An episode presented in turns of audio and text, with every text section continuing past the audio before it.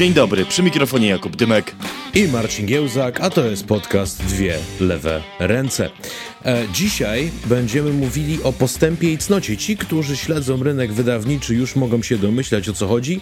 Ci, którzy jeszcze nie wiedzą, za chwilę się dowiedzą. No a ci, którzy śledzą z kolei nasz podcast, wiedzą doskonale, że jeżeli o nas chodzi, to naszą cnotą nie jest zwięzłość być może, ale na pewno jest nią słowność. Obiecywaliśmy Wam na samym początku, że będziemy wprowadzali kolejne formaty, no i to już się dzieje. Mm, mamy format lewy prosty, czyli e, odcinek monograficzny, bierzemy jeden temat, omawiamy go do cna.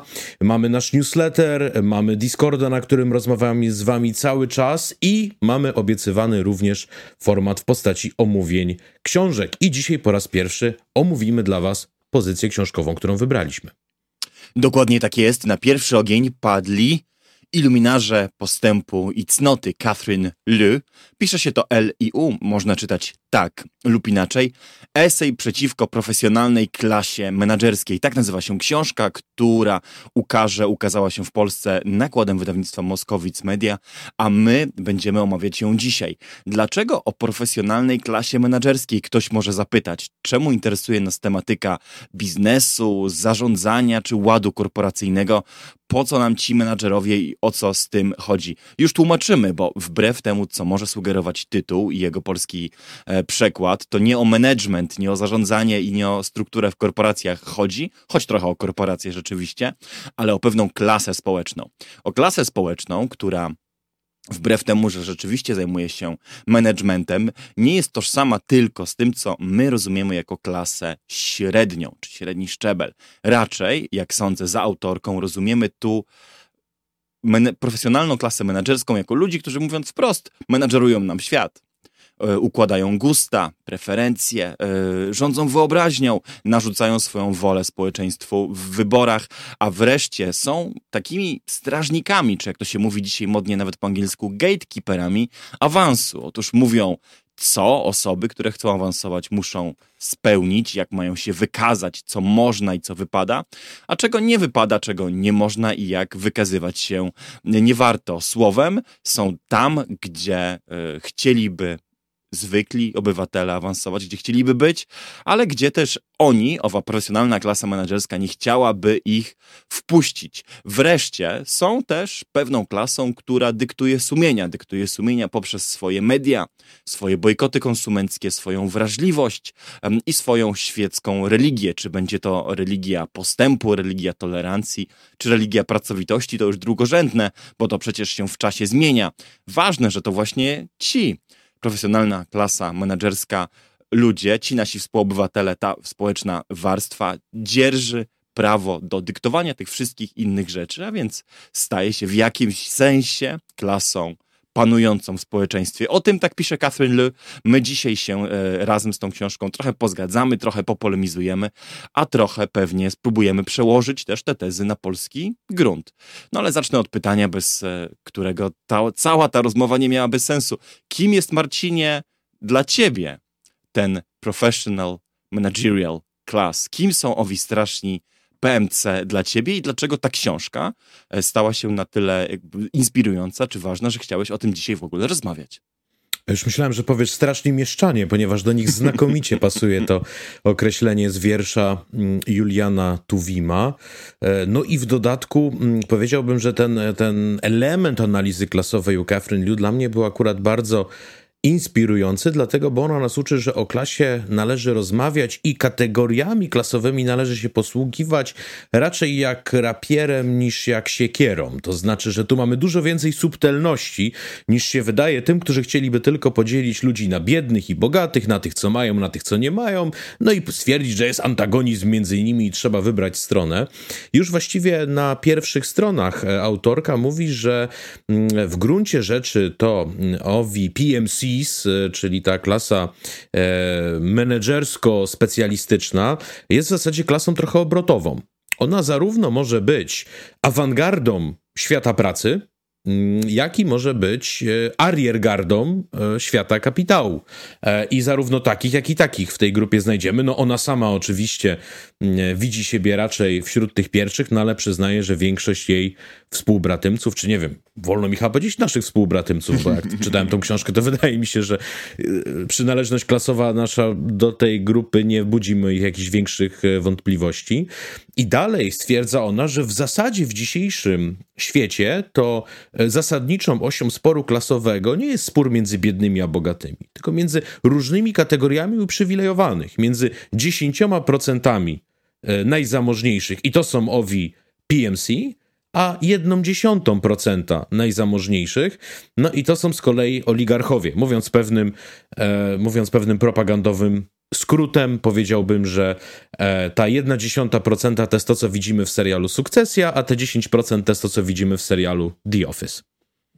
To prawda, można sobie jeszcze to rozłożyć na konkretne przypadki, w czym taka wojna klasowa się manifestuje, bo chodzi trochę o to, że ci z górnego 10% bloku, no, dziennikarze, lekarze, przedstawiciele jakichś lokalnych elit, oczywiście klasa biznesowa, e, freelancerzy, drobni przedsiębiorcy, albo świeżo co upieczeni po studiach specjaliści różnych dziedzin, walczą z tym 0,0001% z tymi multimiliarderami o to, żeby nawet nie ci podzielili się większym kawałkiem tortu, choć to też, ale żeby jakoś uwspólnić ich wartości, tak? Żeby ci wielcy miliarderzy też uwierzyli w zmianę klimatyczną, żeby oni też się odrobinkę dołożyli do ratowania planety, żeby drzwi tego korporacyjnego awansu, takie jakie są, pozostały uchylone w taki, jaki jest sposób i e, nieprzesadnie daleko i szeroko, żeby w ramach tej jednej warstwy trochę negocjować swoją pozycję,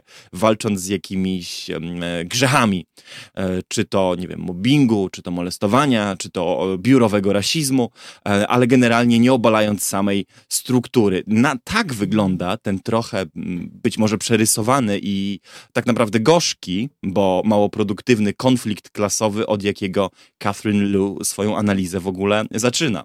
Trochę powtarzam po tobie, ale próbuję do tego dorysować pewien, e, pewien kontekst, żeby to ukonkretnić, bo znowu, nie są to wściekłe masy robotnicze, szturmujące złote wieżowce epoki chorych nierówności lat dwudziestych, taki wielkiego kryzysu. Nie jest to też tak naprawdę nawet ta zbuntowana młodzież protestów czasu e, placu Tahrir, e, Occupy Wall Street e, czy Jazzy Park w Stambule. Nawet nie jest już to. To jest taki jeden wielki bąbel ludzi, którzy mają trochę wspólne wartości, i w ramach tego bombla chcieliby tylko, żeby hierarchia się nieco upłynniła. No, no nie, żeby nieco jednak dynamiczniej można było choćby pomarzyć o dołączeniu do tego klubu milionerów, ale nie już o to, żeby inni przypadkiem mogli szybko za nami przecisnąć się przez też parę w drzwiach i dołączyć do nas, do grupy światłych, postępowych, mm, tolerancyjnych i otwartych, bo przecież, Marcin, zauważ jaka fascynująca dialektyka tutaj gra. Otóż ci, którzy są postępowi, otwarci i tolerancyjni, muszą być na tyle niepostępowi, nietolerancyjni, nieotwarci, żeby nie dopuszczać do swojego grona zbyt wielu ludzi za szybko.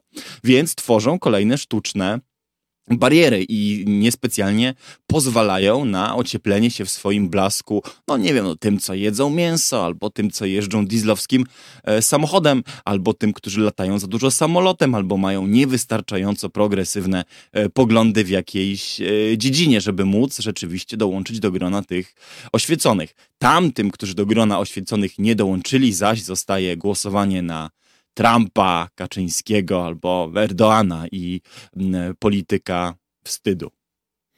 Owszem, e, i co według mnie tutaj szczególnie ciekawe, e, to to, że część widzów mogłaby na tym etapie powiedzieć, no zaraz, no ale w czym problem? No mówicie, że to są ci ludzie, którzy upominają się o planetę, to są ci ludzie, którzy walczą z rasizmem, z seksizmem, mm, z niewłaściwym zachowaniem i słownictwem w biurze czy na uczelni, no to póki co wszystko jest jak najbardziej w porządku. Powinniśmy się do tych ludzi przyłączyć, powinniśmy im pomóc. Czemu w takim razie Catherine Liu, która do lewicowości się przyznaje, napisała całą książkę przeciwko owej warstwie. Otóż dlatego, że w jej oczach i w moich oczach również ludzie ci stworzyli najdoskonalszą broń do zwalczania lewicy od czasów faszyzmu. E, mianowicie, e, jak zarysowany jest problem u Catherine Liu? Problemem jest to, od czego ona tak nie nazywa, ale ja to podbieram od Nancy Fraser, która tutaj ukuła znakomity termin, e, postępowy neoliberalizm. Postępowy neoliberalizm to jest, powiedziałbym, uprowadzenie lewicy albo podkupienie lewicy poprzez zaproszenie wszystkich tych antyrasistów, antyseksistów, osoby pro-LGBT, osoby pro-mniejszości etniczne, etc., etc., do sojuszu z tym, co się nazywa woke capitalism. My nie mamy dobrego polskiego słowa na woke. E, Podoba mi się propozycja y, zbudzeńcy albo wzmożeńcy i mielibyśmy w takim razie zbudzeństwo albo wzmożeństwo. No ale wiadomo z grubsza o co chodzi i żeby pokazać, w jaki sposób to w praktyce podmywa lewicę, i tu już wracamy do e, książki Luminarze Postępu i Cnoty i do jej ukochanego przykładu kampanii e, Berniego Sandersa. Otóż, jak Bernie wychodził między swoich wyborców i do nich przemawiał, to o czym do nich mówił? Mówił o ubóstwie wśród dzieci. Mówił o wykluczeniu komunikacyjnym. Mówił o długu, który zaciąga człowiek, który w Ameryce kończy studia, albo o bankructwie, które grozi człowiekowi, który zachoruje na ciężką chorobę. A co interesowało klasę kulturotwórczą i dyskutującą, klasę PMC? No dobrze, ale co on ma dla transseksualistów? Czy on uważa, że oni powinni wejść do tej toalety, którą sobie wybiorą, czy do tej, która zostanie im narzucona?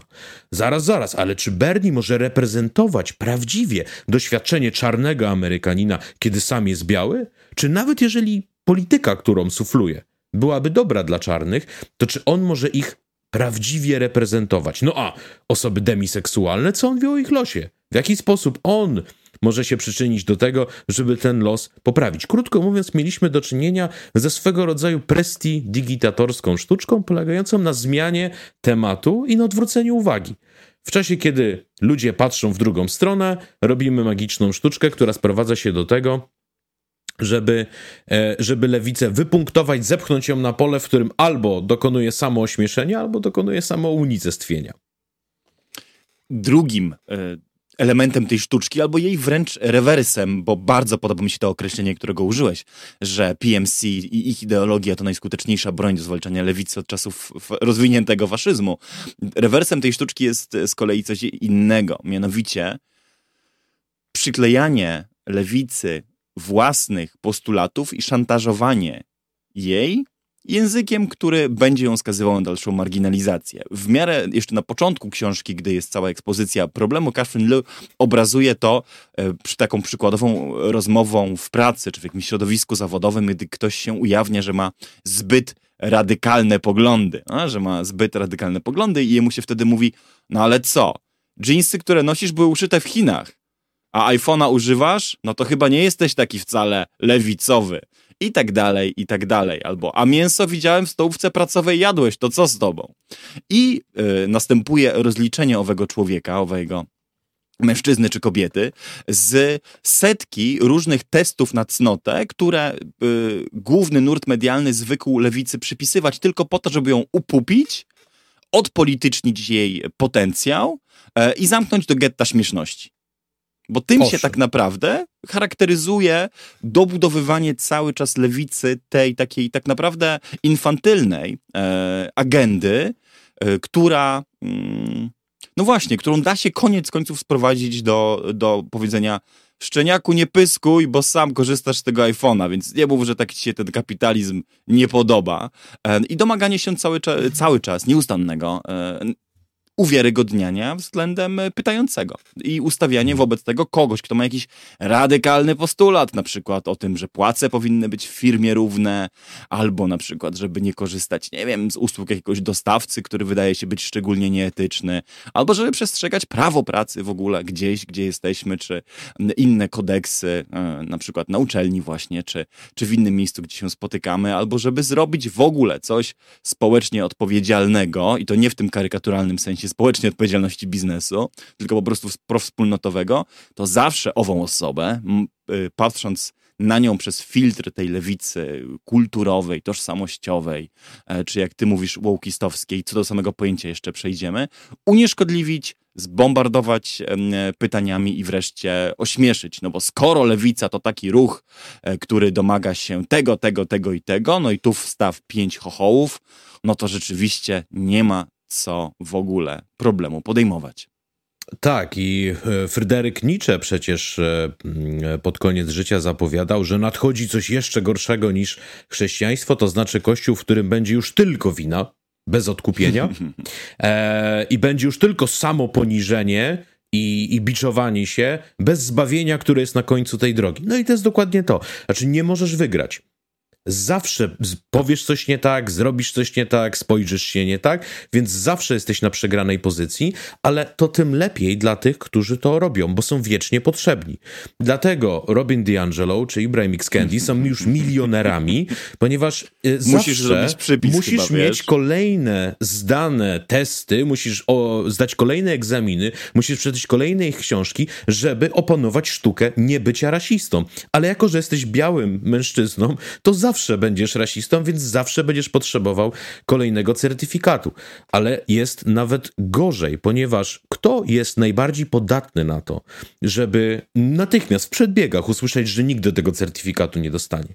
Ludzie z klasy ludowej, ponieważ oni nie mają opanowanego tego socjolektu, oni nie rozumieją tego żargonu, którego się człowiek uczy w Yale albo na Stanfordzie, no więc cały czas tu im wyjdzie mikroagresja, tam powiedzą mnie to, co trzeba, tu zacytują tego, który już został skancelowany i nie wolno go cytować, więc znowu zawsze będą winni. Oczywiście, że tak. Mm, I dlaczego rola tej profesjonalnej klasy menedżerskiej w utrzymywaniu tej hierarchii jest tak kluczowa? I też dlaczego PMC, profesjonalna klasa menedżerska, się owej hierarchii tak ściśle trzyma? Bo pozwala to na pozorowaną lewicowość, już tak to nazwijmy, która jednocześnie jest tak naprawdę sublimowaniem własnego egoizmu, bo ci ludzie, nazwijmy sobie ich e, liberalną elitą, zaraz powiem dlaczego, tak naprawdę nie chcą płacić większych podatków, nie chcą tak naprawdę już bardziej dzielić się majątkiem niż to, co już się podzielili, ponieważ do jakiegoś majątku też doszli. Mm, tak naprawdę są zainteresowani jednak, żeby ich dzieci odziedziczyły więcej niż mniej. Ludzka potrzeba, całkowicie zrozumiałe. I z wiekiem lewicowe rozwiązania, które wzywają do budowy jakiejś szerszej wspólnoty, do podzielenia się majątkiem narodowym, do pewnej dystrybucji, opodatkowania się, do działania w imię wspólnoty, tracą powab. Na co wchodzą wielkie korporacje i mówią: nic straconego, możesz być sobą, możesz ratować planetę kupując papierowe słomki. Możesz pomagać dziewczynkom w Afryce, dając jedną skromną mikrodonację miesięcznie. Możesz zwalczyć w Ameryce rasizm, kupując nasz nowy case na iPhone'a walczący z rasizmem i tak dalej, i tak. Dzięki czemu ci e, ludzie mają zarówno sposobność, jak i możliwość, jak i też wręcz pewien przymus kupienia sobie biletu do uczestnictwa w jakiejś niewątpliwie słusznej społecznie sprawie, bez podejmowania próby demontażu tej struktury, która już istnieje, albo nawet jej skromnej reformy w kierunku, który wpuściłby innych na wyższe szczeble e, drabiny.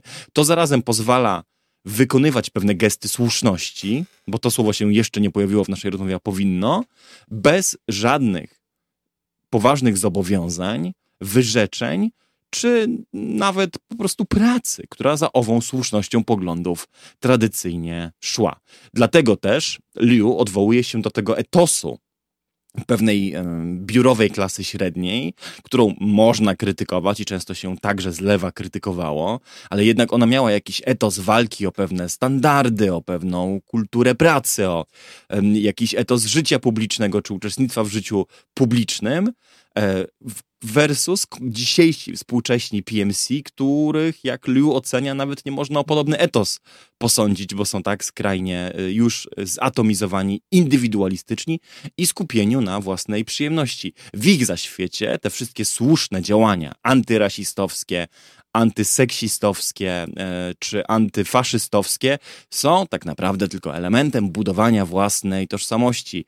Kolejnym e, takim awatarem, który się e, kupuje raz do roku, na przykład uczestnicząc, uczestnicząc w jakimś wydarzeniu albo wspierając jakąś akcję e, i zapomina, ale jednocześnie zwalnia od obowiązku myślenia o tym, że jesteśmy częścią jakiejś wspólnoty e, i zwalnia tym bardziej od poczucia obowiązku, że do przetrwania, do postępu i do większej równości w ramach tej wspólnoty można by się też czasami samemu dołożyć. No i świetnie obrazuje to, o czym mówisz pasus w książce, w którym mówi ona, że znaki towarowe zaczęły być utożsamiane nie tylko z jakością na przykład określonego produktu, czy jakimiś jego oczywistymi cechami, ale z wartościami, wartościami moralnymi i etycznymi, więc nosząc na przykład koszulkę określonej marki, ja daję tym samym do zrozumienia, że popieram takie, a nie inne wartości i pokazując publicznie, najlepiej na Instagramie czy w innych mediach społecznościowych, swoje nawyki konsumpcyjne, daje tym samym wyraz określonej tożsamości. Krótko mówiąc, Tożsamość jest czymś, co można kupować i sprzedawać, i tożsamość jest też czymś, co można monetyzować. Jak pokazaliśmy to na przykładzie takich ludzi jak Ibrahim X. Candy, ale sama mm, autorka, mm, udzielając wywiadu mm, dziennikarce z z podcastu Bad Faith, która pracowała przy kampanii prezydenckiej Berniego Sandersa, powiedziała: Słuchaj, prawda jest taka, że gdybyś ty w tym momencie przestała mówić, ja jestem socjalistką,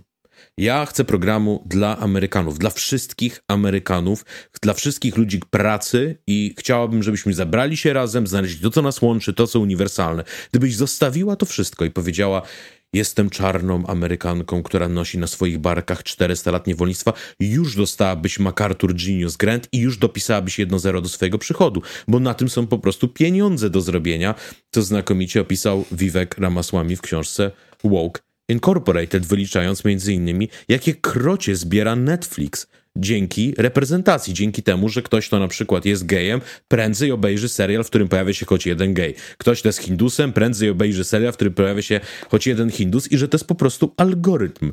Za tym zwyczajnie stoją pieniądze. Ale do czego doprowadza to wielkie nadużycie? Ono prowadzi do tego, że zostaje uprowadzone samo pojęcie sprawiedliwości społecznej. Ono tradycyjnie znaczyło coś kompletnie innego. I tak jak tradycyjnie mówilibyśmy o nierównościach, tak owi e, zbudzeńcy mówią o uprzedzeniach. Nierówności nie są istotne, istotne są uprzedzenia. Więc co robimy w korporacji? Bierzemy jednego kolegę, który i tak już jest wysoko w hierarchii, tak ma właściwe pochodzenie klasowe, ale jest gejem. I awansujemy go na dyrektora albo na członka zarządu. Nie mamy uprzedzeń. A że są nierówności klasowe, a już możemy wzruszyć ramionami. My swoje zrobiliśmy. Awansujemy jedną kobietę. Awansujemy jedną osobę, która jest e, Azjatą. I tak dalej, i tak dalej. E, podobnie nie mówimy o wyzysku, tak jak mówiłoby się tradycyjnie, tylko mówimy o reprezentacji. Nie mówimy o kapitalizmie, tylko mówimy o rasizmie. Nie mówimy o czynnikach politycznych, ekonomicznych, strukturalnych, tylko mówimy o moralności. No i wreszcie nie mówimy o tym, co uniwersalne, tylko zawsze mówimy o tym, co jednostkowe. To z kolei mistrzowsko pokazał Mark Fisher w swoim eseju na temat ucieczki z zamku wampirów. E, ci ludzie twierdzą, że ich krytyka ma charakter systemowy, ale tak naprawdę zawsze się sprowadza do pojedynczych zachowań pojedynczych ludzi. In plus i in minus. To znaczy, weź słomkę, która nie będzie plastikowa, to właśnie uratowałeś lub zgubiłeś świat. Co tam, co robią wielkie korporacje, rządy i tak dalej. Ty i twoja słomka się liczysz. Analogicznie, napisałeś coś głupiego na Twitterze. 9 lat temu. Ale my to znajdziemy. I my powiemy, że ten tweet mówi o tobie wszystko i że cała twoja osobowość daje się sprowadzić do tego jednego głupiego tweeta i już nigdy przed nim nie uciekniesz i już nigdy nie będzie przebaczenia i już nigdy nie dostaniesz certyfikatu moralności, a nasza władza nad tobą się utwierdzi. Dlatego, bo to my jesteśmy tymi, którzy to znaleźli, ujawnili i my jesteśmy tymi, którzy tym samym mogą polerować swoje aureole i utrzymywać siebie w roli tych, którzy są od rozdawania certyfikatów. Dlaczego powiedzieliśmy, że to jest zabójcze dla lewicy? Z dwóch powodów. Po pierwsze, e, gdy korporacje i gdy e, klasa menedżerska owych korporacji przejmuje takie wartości jak wolność, równość, antyrasizm i robi z nich mm, karykatury tak naprawdę, pewną parodię, to trudniej się o te wartości uczciwie w sferze publicznej upominać, dlatego że ludzie zapominają, bo są zmuszani do zapominania, co owe wartości tak naprawdę źródłowo znaczyły. Znaczy, tak jak Marcin przed chwilą zresztą wymienił, no, można czytając kolejne PR-owe prospekty różnych korporacji, e, tak naprawdę zapomnieć o co chodziło w pojęciach sprawiedliwości społecznej czy e, równości albo e, zakazu, w zakazie dyskryminacji. Po prostu można sobie zwyczajnie zapomnieć, bo to słowo odrywa się od swojego pierwotnego znaczenia. Ale jest także drugi sposób. Otóż gdy już te korporacje zawłaszczą e, te pojęcia, które tradycyjnie były w słowniku lewicy, to później lewica rozlicza się z tego nie jaki ma faktyczny program, tylko z tego jaki program zaproponowały owe korporacje. E, lub stojąca za nimi profesjonalna klasa menedżerska, lub idąca z nimi ręka w rękę klasa biurokratyczno-doradcza. Nie bez powodu jeden z pierwszych odcinków naszego programu poświęciliśmy Davos. Davos tradycyjnie jest przecież takim obiektem fiksacji e, skrajnej, czy w ogóle prawicy, e, i moim zdaniem często ze słusznych powodów, a lewica Davos nie krytykuje. Dlaczego? Ano dlatego, czy dzisiejsza lewica, przepraszam, no ta jej tożsamościowa część na pewno Davos nie krytykuje. Dlaczego? Ano właśnie dlatego, że tam się wykuwa ten model świata, który ma lewicę kompletnie sparaliżować i pozbawić znaczenia. Mianowicie korporacji, które zaprzeczają w ogóle, że są e, kapitalistyczne, a tak naprawdę udają, że zajmują się zmienianiem świata i to co śmieszniejsze, zmienianiem świata na postępową modłę. Gdy ten projekt się domknie, a on w jakimś sensie się w wielu miejscach świata już domyka, e, to uczyni e, lewicę w jej obecnym kształcie projektem kompletnie też niepotrzebnym. Bo po co komuś partia na scenie politycznej, czy środowisko w debacie publicznej, które upomina się o jakieś takie wartości, no właśnie jak równość w miejscu pracy, jak e, tolerancja, jak różnorodność w przestrzeni medialnej i filmowej, gdy już o to samo i tak mhm. upominają się wielkie ponadnarodowe koncerny i jak to w przypadku wielkich ponadnarodowych koncernów bywa, czasami są nawet skuteczniejsze we wdrażaniu tych postulatów niż środowiska e, polityczne czy zagłodzone organizacje pozarządowe. Dlatego właśnie, moim zdaniem, z tych e, dwóch, a tak naprawdę nawet trzech powodów należy mówić o konflikcie, który nieustannie jest udziałem tej profesjonalnej klasy menedżerskiej i jej ideologii oraz prawdziwej, jakiejś nietożsamościowej, socjalistycznej, e, radykalnej lewicy. Ten konflikt musi być, ponieważ, e, ponieważ PMC, profesjonalna klasa menedżerska i ich korporacje, i ich segment biurokratyczno-ekspercki ów język lewicy zawłaszczył, ośmieszył, odpolitycznił e, i tak naprawdę kompletnie przejął, zostawiając lewicę, która chce zajmować się tylko tymi sprawami, tak naprawdę z niczym, bo ktoś już jej program realizuje za nich. No i genialne w swojej prostocie, prawda? Dokonano outsourcingu lewicy do korporacji. Lewica jest teraz zbędna, bo prywatne podmioty będą lepiej i skuteczniej robić lewicowość, aniżeli, I w jakimś sensie tak aniżeli jest. państwo. Um, I mało tego, zobacz, jak niesamowicie to jest efektywne e, na poziomie wbudowanego systemu zachęt. To znaczy przecież e, ktoś mówi, ja biorę udział w rewolucji, ja jestem śmiałym rewolucjonistą, jestem jak Kościuszka, jestem jak Bolivar. Tylko twoją rewolucję popierają wszystkie korporacje z listy Fortune 500. Jak niesamowicie wygodne to jest. Twoje CV aktywisty i buntownika będzie wyglądać rewelacyjnie, jeśli chcesz iść pracować w dziale Diversity and Inclusion wielkiej korporacji. Twoje CV będzie wyglądać wspaniale, jeśli chcesz robić greenwashing, czyli na przykład udawać, że robimy coś dobrego dla środowiska, albo pinkwashing, udawać, że robimy coś dobrego dla e, osób należących do mniejszości seksualnych.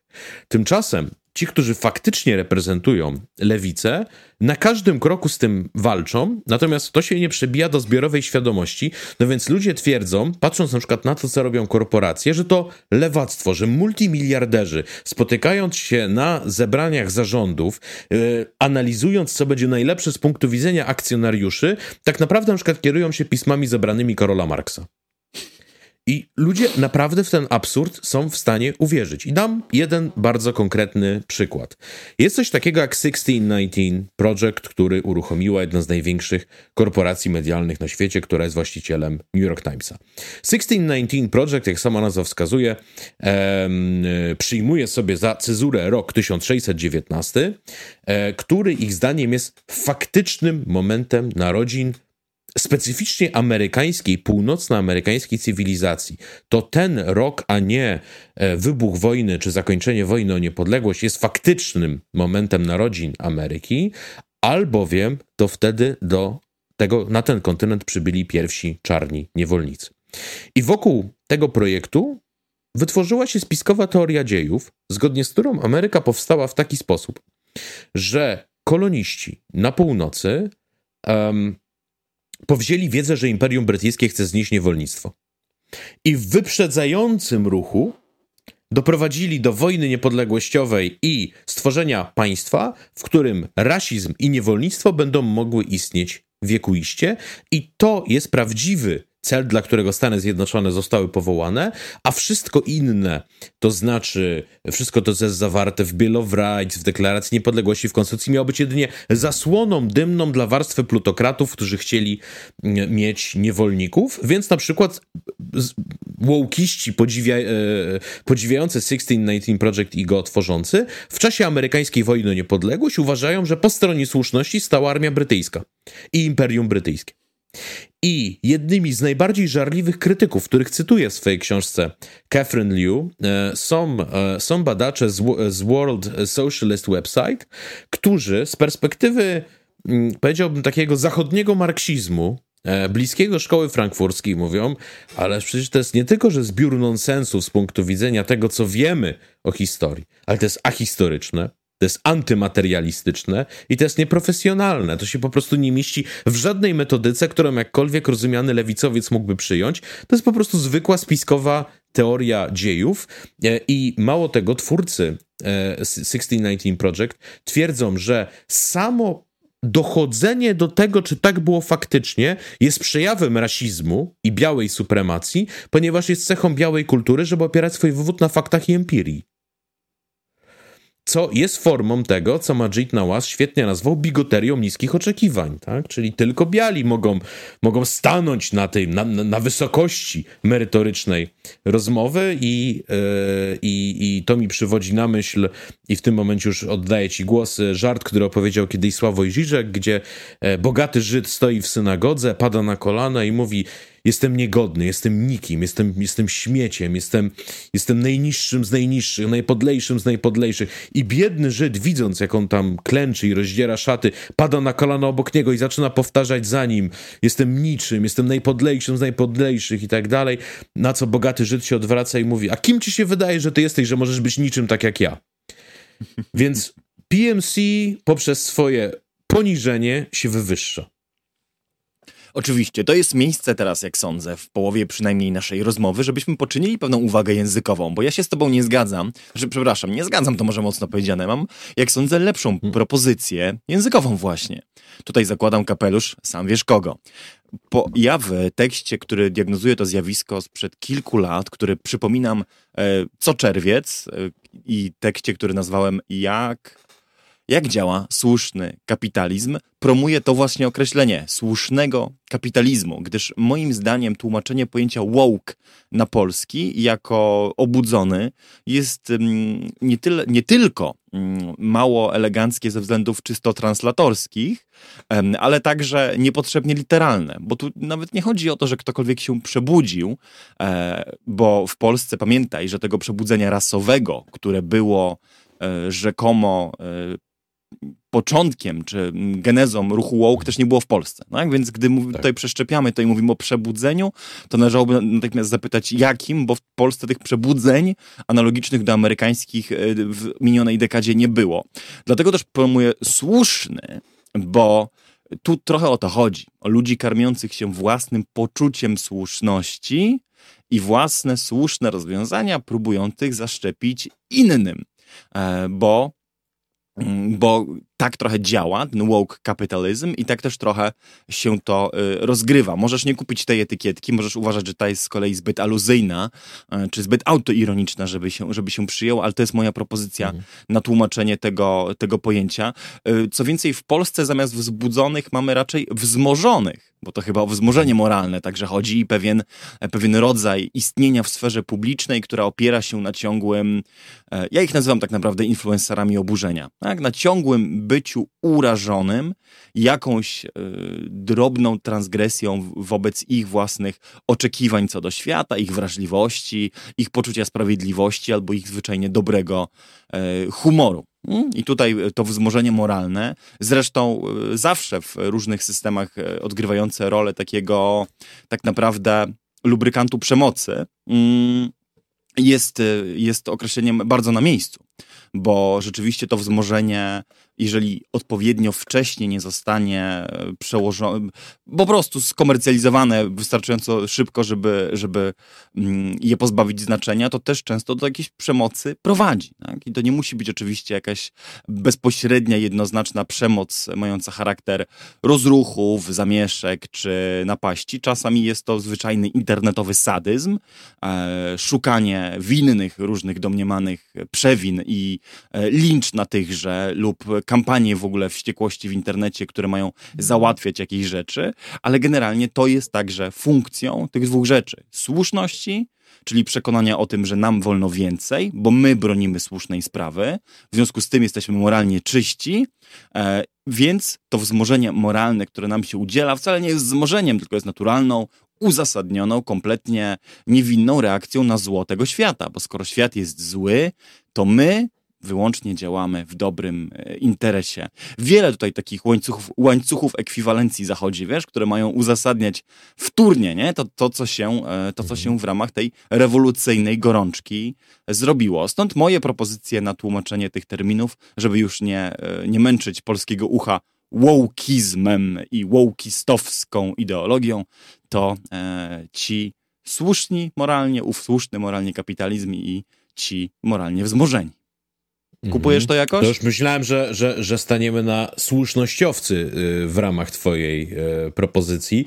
Mi się podoba zbudzeńcy albo wzmożeńcy z jednego względu, mianowicie to ma taki posmak religijnej sekty, a uważam, że oni są ruchem w gruncie rzeczy o charakterze parareligijnym, o charakterze, e, o charakterze świeckiej religii.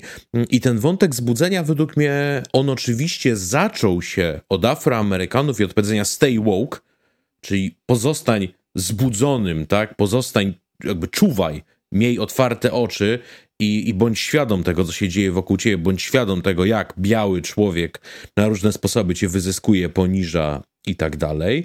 Natomiast uważam, że tych zbudzeń obecnie jest dużo więcej i jak na przykład człowiek raz odkryje, że okłamywano go, że są dwie płcie, tak naprawdę jest ich 76, no to znajdzie 77 i 78 i, i teraz już ma jakby oczy i uszy szeroko otwarte. On teraz widzi świat zupełnie inaczej. On już został zbudzony dla tej prawdy, on już, on już doświadczył tej gnozy i on już nie może wrócić do, do życia tych wszystkich e, profanów i normalsów, którzy pojęcia nie mają, jak tak naprawdę wygląda rzeczywistość, a to też daje mu bardzo silne poczucie własnej wartości, no bo on wie, on rozumie, on widział, a inni są jak barany prowadzone na rzeź, więc e, nie lekceważyłbym tego elementu mm, doświadczenia religijnego.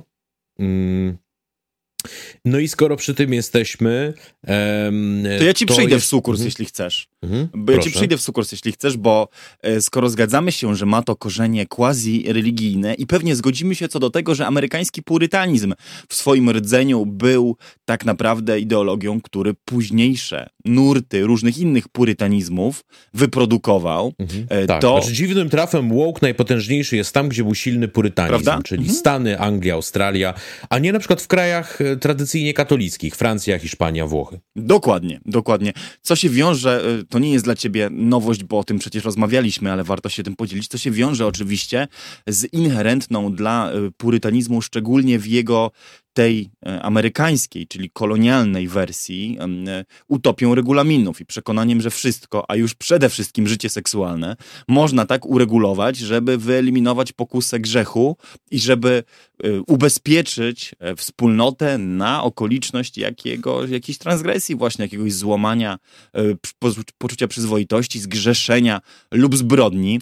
To w Amerykanach zostało, mimo że ta kultura, która dziś jest w Ameryce, no nie jest kulturą jednolitą, jednolicie i jednoznacznie protestancko-purytańską, to jednak instytucje mają taką tendencję, by w procesie długiego trwania przenosić pewne wartości, pewne mechanizmy, pewną swoją wewnętrzną logikę i tak jest z amerykańskim prawem, gdzie do dziś bardzo mocno pilnuje się, żeby wszystko sobie odpowiednio wcześniej rozpisać, uregulować, doszczegółowić, co ma teoretycznie w swoim zamierzeniu uwolnić ludzi od grzechu. No, nie dojdzie do rasizmu w firmie, jeżeli będziemy mieli świetny regulamin antyrasistowski i doskonałe procedury. No, tak samo na tej samej zasadzie nie dojdzie do mobbingu może, czy molestowania. Nie wiem, nie będzie korupcji w polityce, jeśli bardzo ściśle przeszkolimy polityków z procedur antykorupcyjnych. Nie będzie korupcji czy mm, protekcjonizmu i nepotyzmu w wymiarze sprawiedliwości jeżeli obudujemy go tysiącem zasad i profesjonalnych kodeksów, rzeczywistość za każdym razem pokazuje, że jest to działanie złudne. O, albo mój najlepszy przykład. Nie będzie zbrodni wojennych, jeżeli rozpiszemy bardzo szczegółowo zasady rules of engagement i wprowadzimy specjalne formularze, które muszą e, strzelający z drona wypełnić, żeby oświadczyli w pełni swojej mocy umysłowej, że nie widzą tam jednak żadnego dziecka. Nie? To jest ta utopia tak, regulaminów. Ja, ja wrócę jeszcze na moment do religii, bo to jest dużo bardziej perwersyjne. To znaczy, e, wiesz, jak w Iranie, z jednej strony masz do czynienia z kulturą potężnej antyseksualnej represyjności, a z drugiej strony możesz pójść do duchownego, żeby wypisał ci karteczkę, że z tą tutaj kobietą wziąłeś ślub na dwie godziny, no i potem się po prostu rozwiedliście, ale kiedy doszło do czynności sakramentalnej, byliście małżeństwem, no więc żaden, mm, żaden e, e, przepis religijnego prawa nie został naruszony. I tu jest podobnie. Znaczy, możesz uprawiać tak wyuzdany seks, jak ci się tylko podoba, możesz brać dowolne narkotyki, możesz wieść najbardziej niemoralne życie z możliwych, ale nie napisz złego słowa na Twitterze. To znaczy, y, bardzo często te zasady są mocno kontrintuicyjne i um, to nie jest tak, że oni się zapisują po stronie jakiegoś takiego uogólnionego, obyczajowego purytanizmu, bo jeśli na przykład ktoś skrytykuje preferencje bardzo egzotyczne e, seksualne innego człowieka, to popełnił zbrodnię kingshamingu i również może zostać za to skancelowany. Więc nawigowanie między tym jest dużo bardziej złożone i wewnątrz tego bardzo wyśrubowanego moralizmu znajduje się przyzwolenie na libertynizm. Nie, oczywiście, bo dobrze, to będzie koniec tej dygresji, bo mam nawet ciekawszą i trudniejszą kwestię do rozgryzienia. To będzie koniec tej dygresji.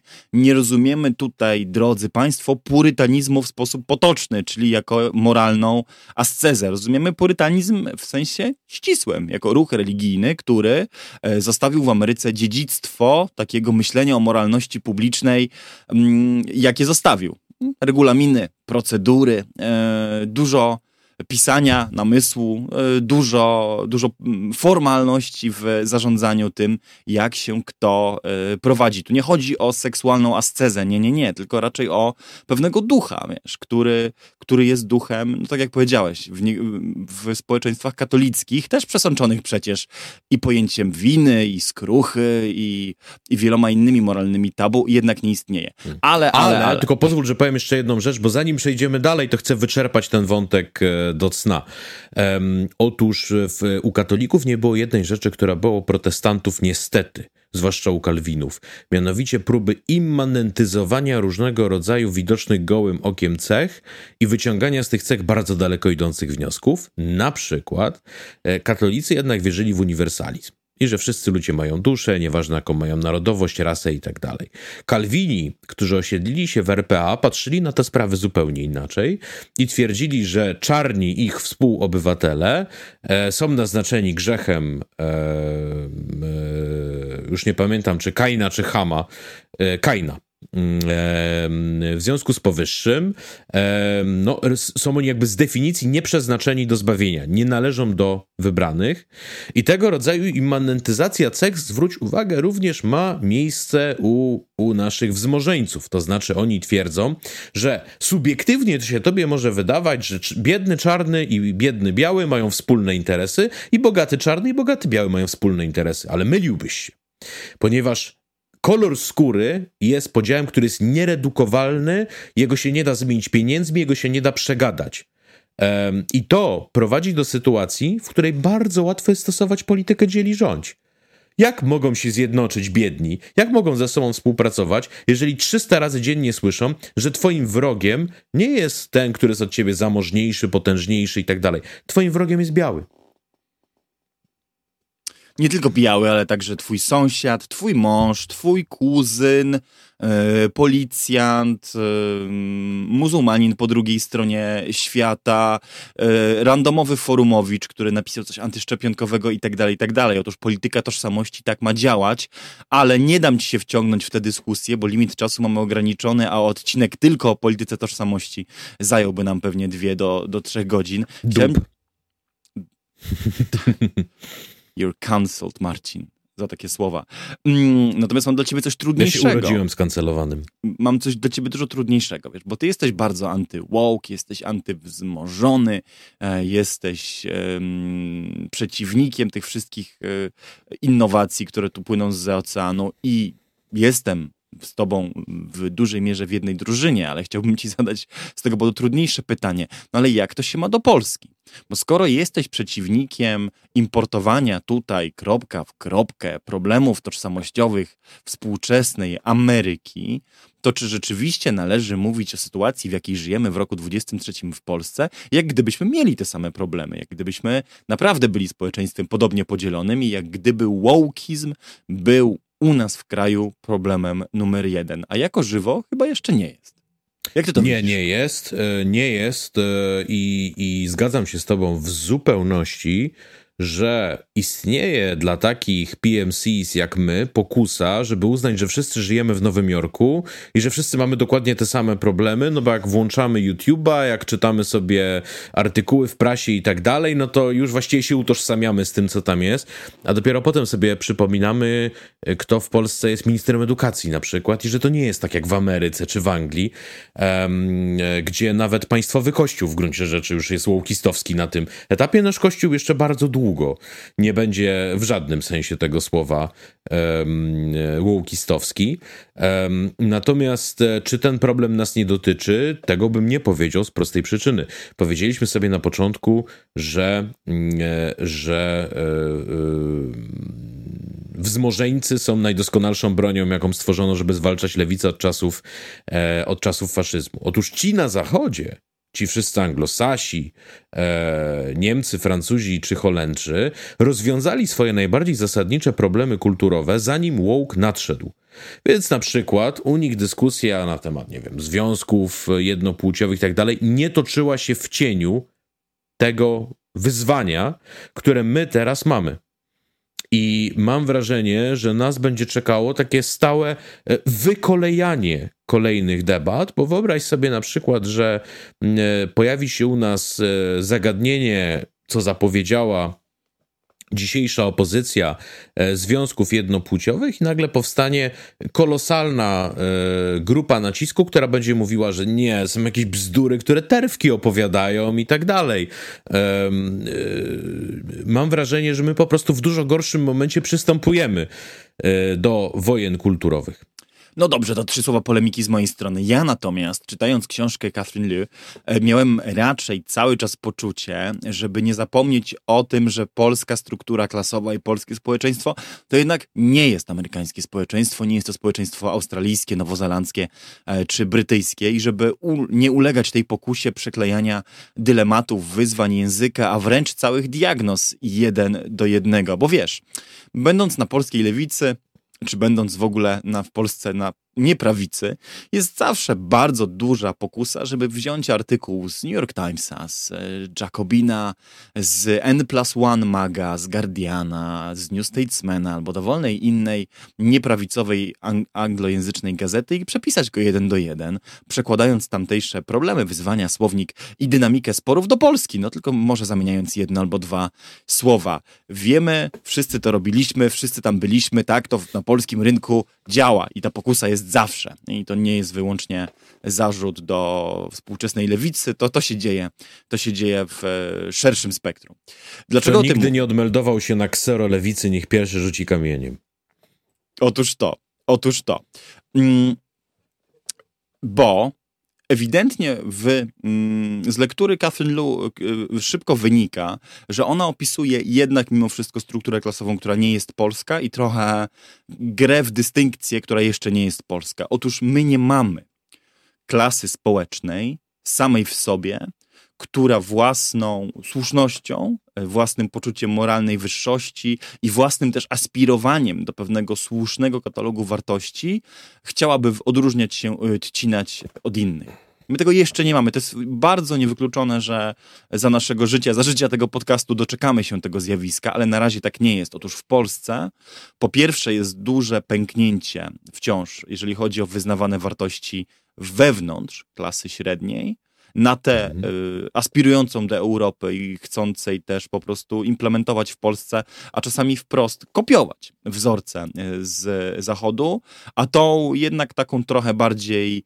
reakcyjną, tutejszą, e, swojską, wyznającą inną wizję modernizacji klasą średnią. Tak? I to, te linie podziału sobie można rysować w bardzo, w bardzo różne sposoby. Po linii religijności, po linii wieku trochę, po linii miasto y, versus mały ośrodek, po linii geograficznej na osiemnastym południku. Wiele tych wizji można sobie widać zabory. No, nasz można uniwersytet narysować. w żadnej mierze nie jest tak lewicowy jak Dokładnie. amerykański. No, na przykład. Chociaż. Na przykład ale też nasz system eee, partyjny, Marcin, ale też nasz system partyjny nie jest taki jak amerykański. Po, powiedzmy sobie, że w Ameryce jednak także w społeczeństwie bardzo religijnym i w, w, z bardzo reakcyjnym systemem politycznym dającym nieproporcjonalnie dużo prawa weta stanom i prowincji, mimo wszystko nie powzięto się na cofnięcie legalizacji związków jednopłciowych. Tak? Znaczy od momentu, w którym jednak za Baracka Obamy podjęto tę historyczną decyzję, nawet dość jednak szalona prawica nie chciała cofnięcia tego kroku. Nie no, Trump paradował z tęczową flagą tak. mówił, że geje mnie kochają.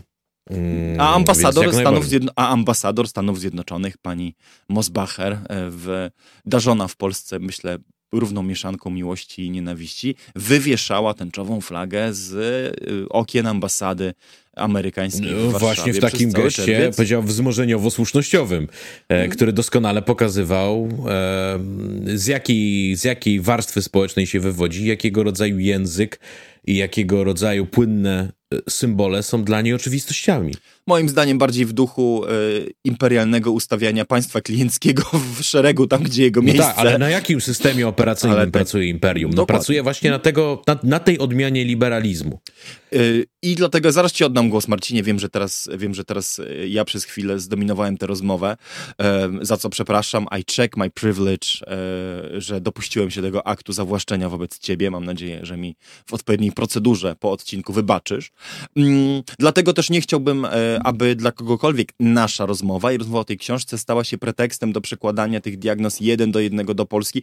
W Polsce tego nie mamy. W Polsce moim zdaniem e, należałoby dopiero taką diagnozę napisać i ona musiałaby uwzględniać jednak takie zjawiska jak skrajny indywidualizm, sobiepańskość, pewna postawa antymodernizacyjna, którą w niektórych kręgach, zaznaczę, ja tego nie mówię, ale niektórzy nazywają zaściankowością czy kołtuństwem, tak? Tu chodzi o ten taki mm, spektakularny, pokazowy wręcz, ostentacyjny opór wobec e, niektórych, niektórych trendów modernizacyjnych z Zachodu. E, należałoby wreszcie e, uwzględnić też po prostu inherentny konserwatyzm dużej części polskiej klasy średniej, która, to wynika z badań chociażby European Values Survey, naprawdę się bardzo szybko liberalizuje, bo Polska się w ogóle liberalizuje, tylko w takim organicznym cyklu, który trochę może nie znosi przesady. E, I stąd na przykład w Polsce już coraz częściej nawet wyborcy Konfederacji tak naprawdę popierają liberalizację prawa e, aborcyjnego i są dużo bardziej liberalni w temacie LGBT niż są to w stanie przyznać. Mm, bo już dawno niż, niż są to w stanie przyznać w czerwcu, e, który, który, jest, który jest miesiącem, który prowokuje do bardzo wielu e, takich e, nowych wcieleń tej, tej wojny kulturowej. Więc e, u nas e, tego problemu jeszcze nie ma. U nas w ogóle nie ma takiej klasy, która by się wywodziła z tego professional managerial class, czyli taki, to są często u nas ludzie zabiedzeni też po prostu, tak? Tych, którzy naprawdę aspirują do bycia PMC w Polsce, do bycia władcami sumień, luminarzami postępu i cnoty, należałoby w naszych okolicznościach nazywać liberalną elitą. Bo to o tej tak mhm. naprawdę grupie mówimy. Tak. Tak, bardziej trochę jak na przykład w krajach latynoamerykańskich albo w Hiszpanii, tak? Znaczy e, są konserwatyści, którzy się e, absolutnie zachwycają Ortego Migasetem, bo mówią, o, on tutaj pokazał, że motłoch zastaje... Tak, tylko ten motłoch, o którym on pisał, to wy, tak? On, on chciał bronić liberalizmu przed demokracją, co też wielu naszym liberałom jak najbardziej by odpowiadało, no bo oni się boją tych, którzy sprzedali ich demokrację za, e, za 500 złotych. Mm, więc tu e, w tym punkcie się zgadzam z Tobą e, w zupełności. Mamy jeszcze jedną rzecz jako Polacy, która sprawiła, że byliśmy krajem bez stosów i że nie dało się w Polsce prowadzić komunizmu. Znaczy kompletny indyferentyzm religijny.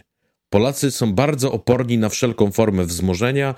Doskonale opisuje to historia bodaj z wyklęcia księcia Sapiechy. Mogę mylić jednego arystokratę z drugim, ale to było w tym duchu wiek XVII wszyscy zgromadzeni w katedrze.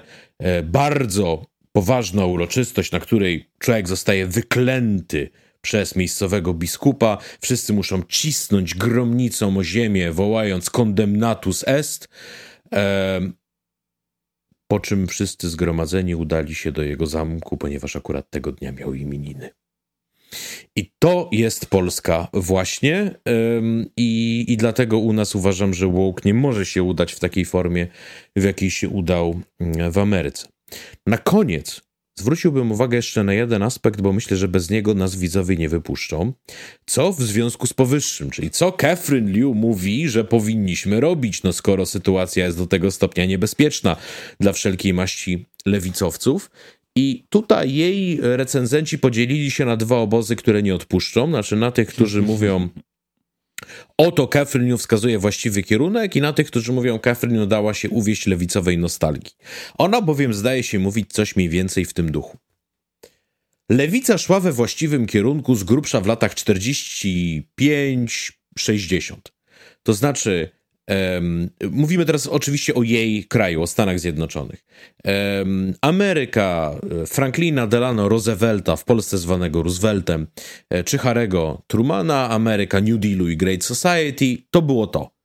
Polityka wtedy była skupiona na praktycznych, konkretnych rzeczach, które poprawiały ludzkie bytowanie, na służbie zdrowia, na mieszkaniach, na studiach itd. Tak Polityka miała wymiar klasowy, którego się nie wstydziła i demokraci się go nie wstydzili.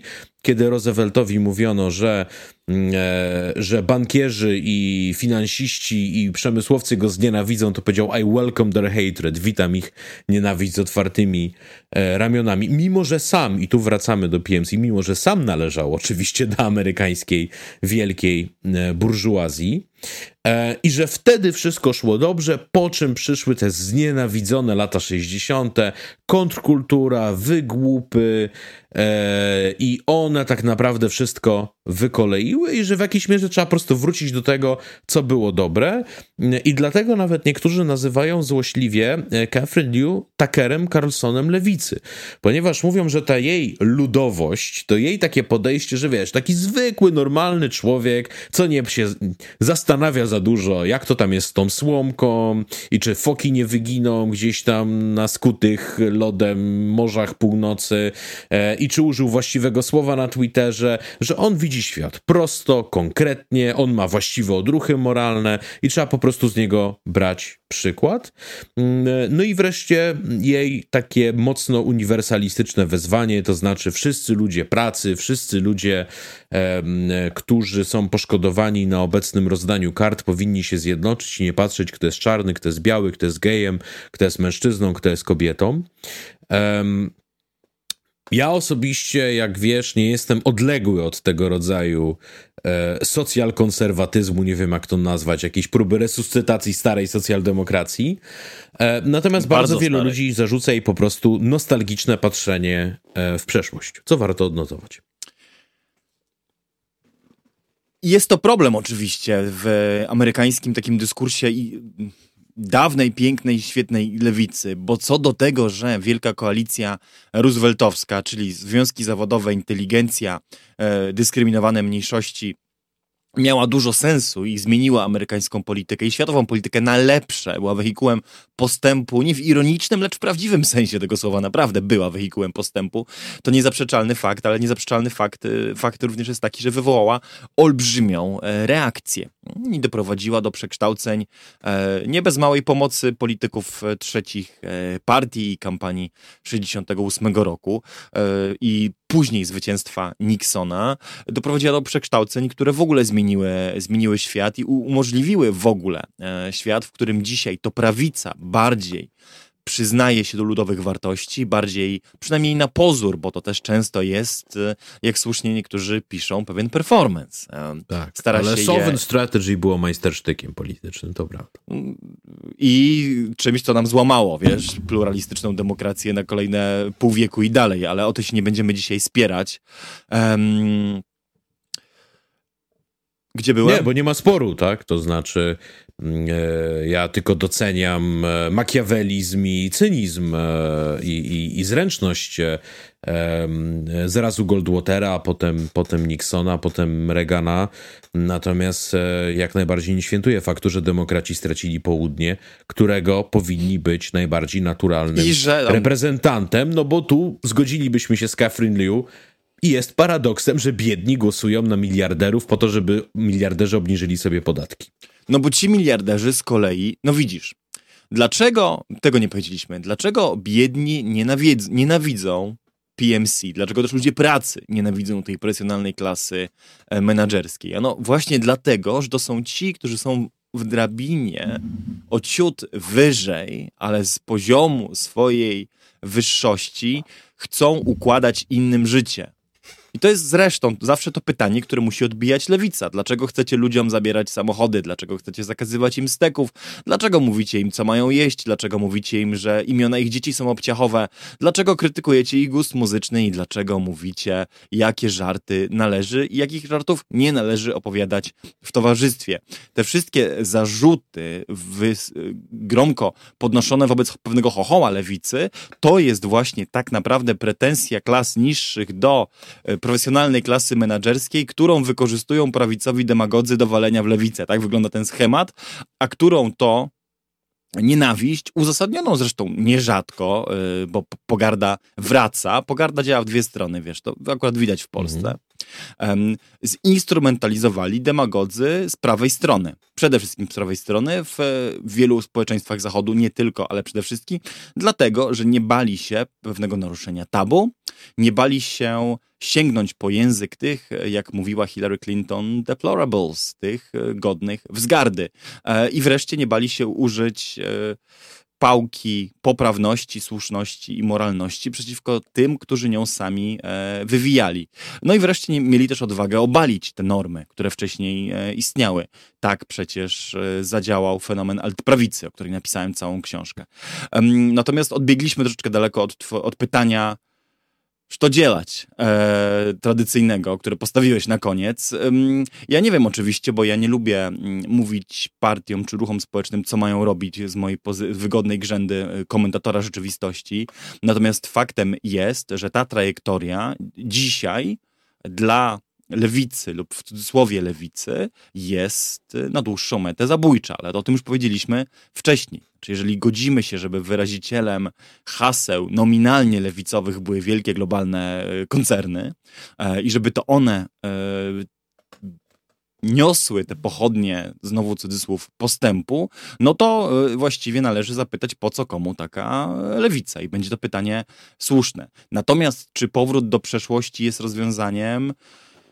To jest temat dyskusyjny i temat pewnie na, na, na, jakieś inne rozmowy. Ludzie, którzy idealizują tę przeszłość w Ameryce, i tu wracam do początku mojej wypowiedzi, mają pewien problem, bo siłą rzeczy to była przeszłość, w której było też tak dużo otwartego rasizmu, otwartej dyskryminacji, mhm. przemocy, seksizmu, apartheidu społecznego, e, że trudno jest ją tak naprawdę idealizować, bo nawet ta wizja spokoju społecznego, do którego odwołują się te wizje, no był spokój, no każdy miał domek, żonę, dzieci, grillował w ogródku. Wiesz, to jest fantazmat na temat białej dominacji, rozumiesz, jakiegoś e, e, klasy średniej nad wszystkimi innymi w naprawdę... Znaczy to jest przeminęło ultra... z wiatrem 100 lat później. Tak, tak w ultra patriarchalnym, naprawdę patriarchalnym, e, seksistowskim i maczystowskim modelu. To znaczy ten idealizowany też świat spokoju, jaki dzisiaj niektórzy lewicowcy czy widzą w Ameryce Złotego Wieku Kapitalizmu, to naprawdę nie był świat, który oni chcieliby reprodukować mimo wszystko we własnych mhm. rodzinach, we własnych zakładach pracy, na własnych uczelniach i tak dalej. Bo to mhm. wcale nie był spokój społeczny. To był też apartheid. I to możliwe dzięki wielkiej mobilizacji społeczeństwa przemysłowego po wojnie. Paradoksalnie, gdyby już się upierać, to może lepsze modele sukcesu przyniosło to powojenne trzydziestolecie na przykład we Francji. Albo w Niemczech Zachodnich, albo w nie wiem. E, no, bo nie było obciążone tym grzechem pierworodnym rasizmu, który w Ameryce jeszcze wymagał całych dekad, e, żeby się z nim rozprawić i faktycznie pewnie należałoby tutaj dorzucić e, na, w ramach takiej polecajki dla naszych widzów jeszcze jeden króciutki tekścik, bo książka Catherine jest krótka, tak? Ona ma 130 stron. Króciutki tekścik Ludwika Krzywickiego, dłużnikiem jesteś. Gdzie dziecku ze szlacheckiego domu mówi, że tak, odebrałeś wykształcenie i tak dalej, ale nie myśl, że z tego powodu jesteś lepszy. To wszystko było zyskane krwią i potem innych ludzi, którego po prostu nie widziałeś, więc uważasz, że go nie ma.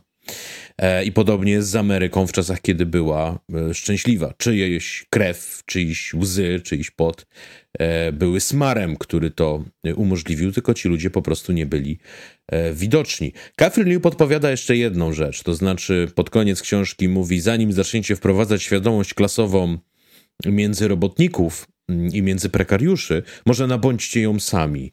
Może niech PMC sami nad sobą się zastanowią i sami e, zrozumieją, do jakiego stopnia żyją w okowach iluzji, a dopiero potem niech nabiorą śmiałości do e, pouczania, pouczania innych. innych. co mhm. jak sądzę, my tutaj jako dość klasyczni e, PMCs na miarę naszych i polskich możliwości robimy w każdym programie i mówimy, jak patrzę w statystyki demograficzne naszego programu, również do innych PMCs e, z prostym przesłaniem, które mi się trochę rymuje z tym, co pierwotnie chciała robić krytyka polityczna. Jak wyszło to wiadomo, ale pierwotnie krytyka polityczna mówiła, że idea jest taka, żeby etos polskiej inteligencji wnieść do klasy średniej. Znaczy inteligencja nie może przetrwać jako warstwa społeczna no bo po prostu globalne czynniki gospodarcze, społeczne muszą ją zmieść, ale etos inteligencji może zarazić klasę średnią. Nie zaraził, no ale może zaraził przynajmniej jakieś pojedyncze jednostki i może ta zaraza będzie się jeszcze rozprzestrzeniać. Popróbujemy. A w Polsce problemem e, nie jest zbytnia lewicowość klasy średniej, lecz zbytni liberalizm pewnej frakcji elit. Ale jak zwykle obrywa za to kto inny. A w dzisiejszym programie, pierwszym odcinku w cyklu o książkach, dwie lewe ręce o książkach, e, mówiłem to ja, Jakub Dymek. Moje teksty tradycyjnie znajdziecie na dymek.substack.com i o Catherine również coś postaram się napisać oraz ja, Marcin Giełzak. No i w ostatnich słowach naturalnie e, musimy wspomnieć o tym, że jeżeli podoba Wam się to, co robimy i jeżeli chcielibyście, żeby format dwóch lewych rąk dalej się rozwijał, żebyśmy wprowadzali kolejne formuły, to pamiętajcie, że na stronie patronite.pl DLR, DLR jak dwie lewe ręce znajdziecie na dobrą sprawę nasze centrum dowodzenia, gdzie na bieżąco piszemy o tym, co u nas, co nowego, e, w jaki sposób to, co robimy, można wesprzeć, więc jeśli znajdziecie znajdziecie mm, w swoich, w swoich sercach i portfelach taką potrzebę i gotowość, to będziemy Wam naturalnie wdzięczni. Do czego zachęcamy. Dzięki i do usłyszenia niebawem. Dzięki.